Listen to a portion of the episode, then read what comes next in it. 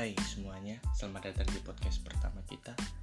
Sebelumnya, sorry kalau kata-katanya masih berantakan atau mungkin masih agak canggung. Jadi, gak usah lama-lama ya. Perkenalkan, nama ku Habib. Aku di sini akan menemani waktu-waktu luang kalian. Tapi tenang aja, nggak cuman aku kok. Nanti kalian pasti tahu ada siapa di sini. Dimulai dari aku dulu ya. Kalian yang tahu pasti familiar dengan nama Habib. Ya, nama Habib itu biasanya keturunan dari nabi atau pemuka agama. Tapi aku bukan keturunan nabi ataupun pemuka agama. Namaku cuma sebagai doa. Terus, tapi apa enggak terbebani pakai nama Habib? Menurutku sih, dulu sih aku enggak begitu peduli ya.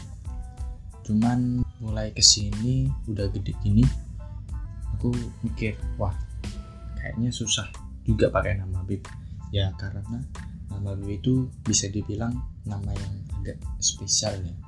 Walaupun mungkin bukan keturunan Nabi ya tapi tetap dianggap spesial oleh masyarakat masyarakat ngomong-ngomong soal dulu nih masa kecil itu masa yang paling menurutku sangat indah.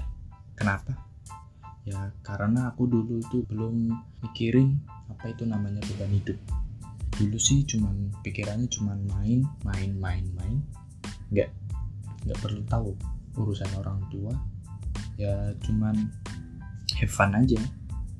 Tapi mulai ke sini mulai udah besar gini ternyata beban hidup itu sangat berat sangat wah sangat sulit dihadapinya juga aku ini sebenarnya bukan orang kerja ataupun kuliah.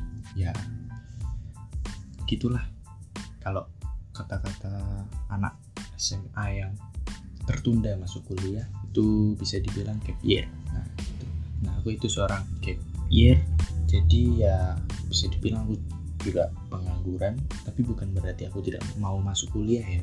Aku cuman ya satu tahun ini buat belajar lah serius. Apalagi tujuanku sangat tinggi untuk waktu yang cukup lama selama satu tahun ini.